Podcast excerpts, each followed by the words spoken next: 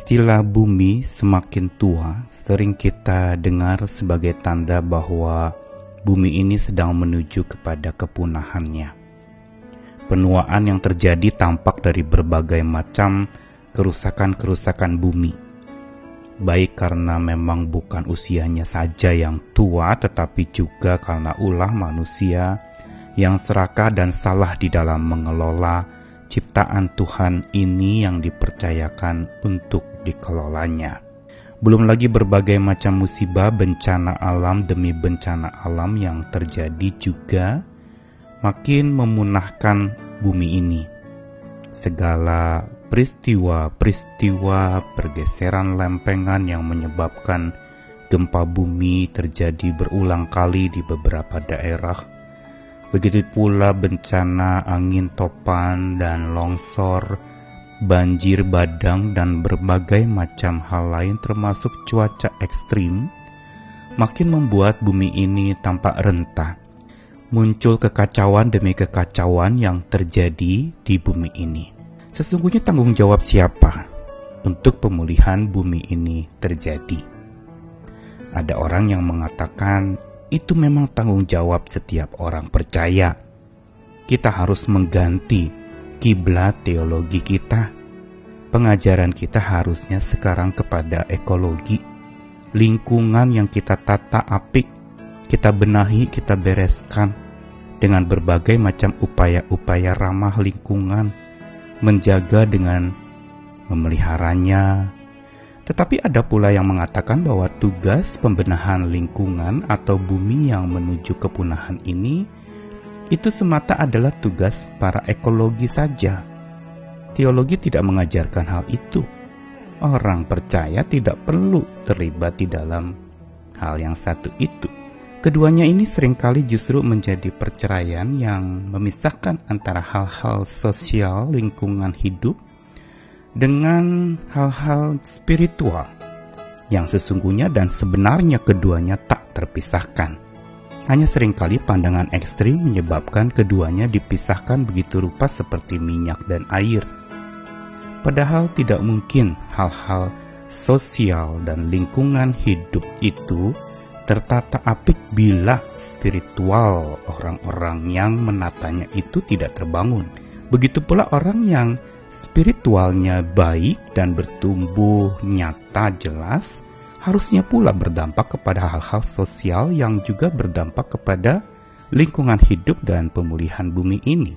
Kitab suci jelas sekali mengatakan betapa keterlibatan hal-hal yang bersifat roh atau spiritual itu terlibat nyata.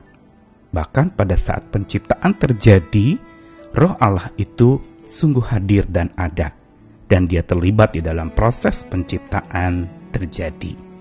Karena ini semua mau menjelaskan bahwa tidak bisa kita tanpanya.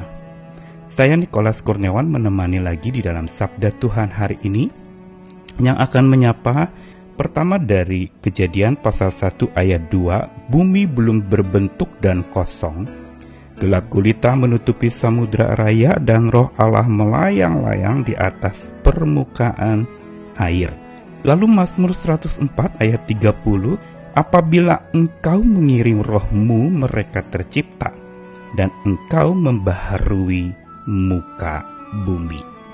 Dua ayat ini mau menegaskan tentang peran roh Allah atau roh kudus di dalam proses penciptaan, di dalam rangka kaitkan erat dengan penataan semesta, begitu pula urusan natur atau alam ciptaan Tuhan, serta bumi tempat di mana kita berpijak.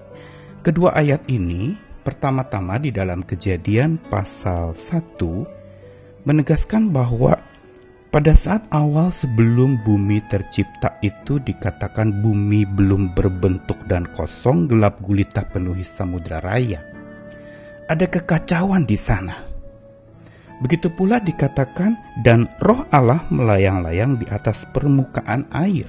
Satu ayat ini mau menegaskan bahwa pada saat dunia belum tercipta, itu ada kekacauan yang mengerikan. Belum berbentuk kosong, dan gelap gulita yang sangat menakutkan memenuhi samudra raya. Tetapi dikatakan roh Allah melayang-layang di atas permukaan air.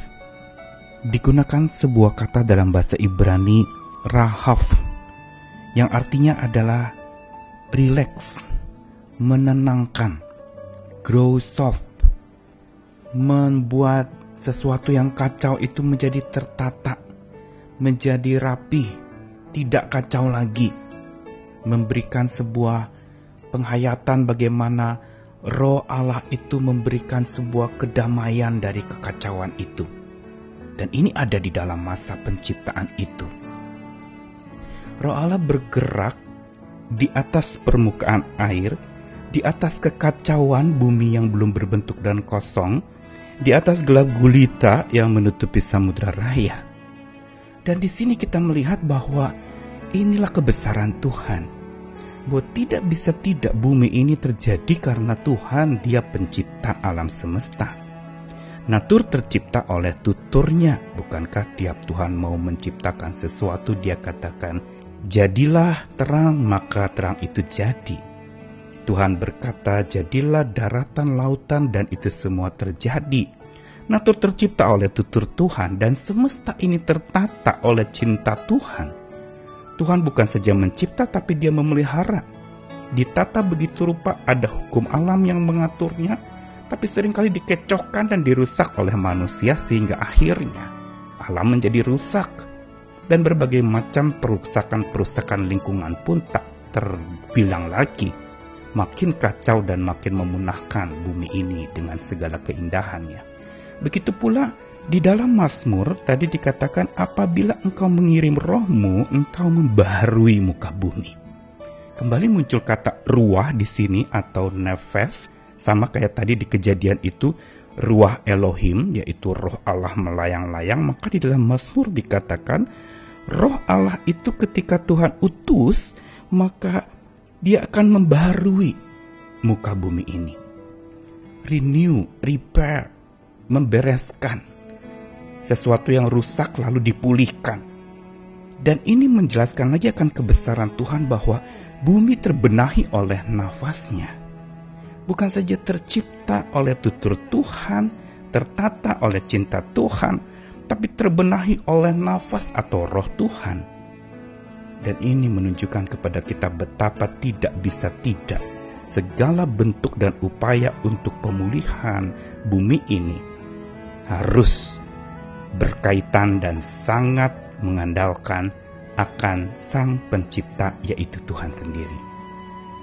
Sama seperti kita mau memperbaiki sebuah lukisan yang mungkin rusak, kita mau repro atau mencetak ulang atau membuat ulang lagi. Bila si pencipta lukisan itu yang membuatnya pasti akan berbeda kalau orang yang hanya memperbaikinya. Si pencipta tahu betul waktu dia buat seperti apa. Si pencipta atau pelukis itu tahu benar apa yang dia mau tuangkan pada saat awal mula itu terjadi. Dan ini menegaskan betapa pentingnya pencipta di dalam pembenahan ciptaan-ciptaan hari ini. Ini semua mau mengajarkan kita bahwa tidak bisa segala sesuatu ini tanpa Tuhan. Begitu pula segala kiat-kiat kita untuk membenahi alam semesta segala niat kita untuk membereskan dengan upaya-upaya ramah lingkungan, menjaga kebersihan, kesehatan, juga menjaga pembuangan sampah yang supaya tidak menjadi limbah yang berbahaya, dan segala kegiatan manusia untuk menjaga ciptaan Tuhan itu, itu tidak bisa tanpa Tuhan.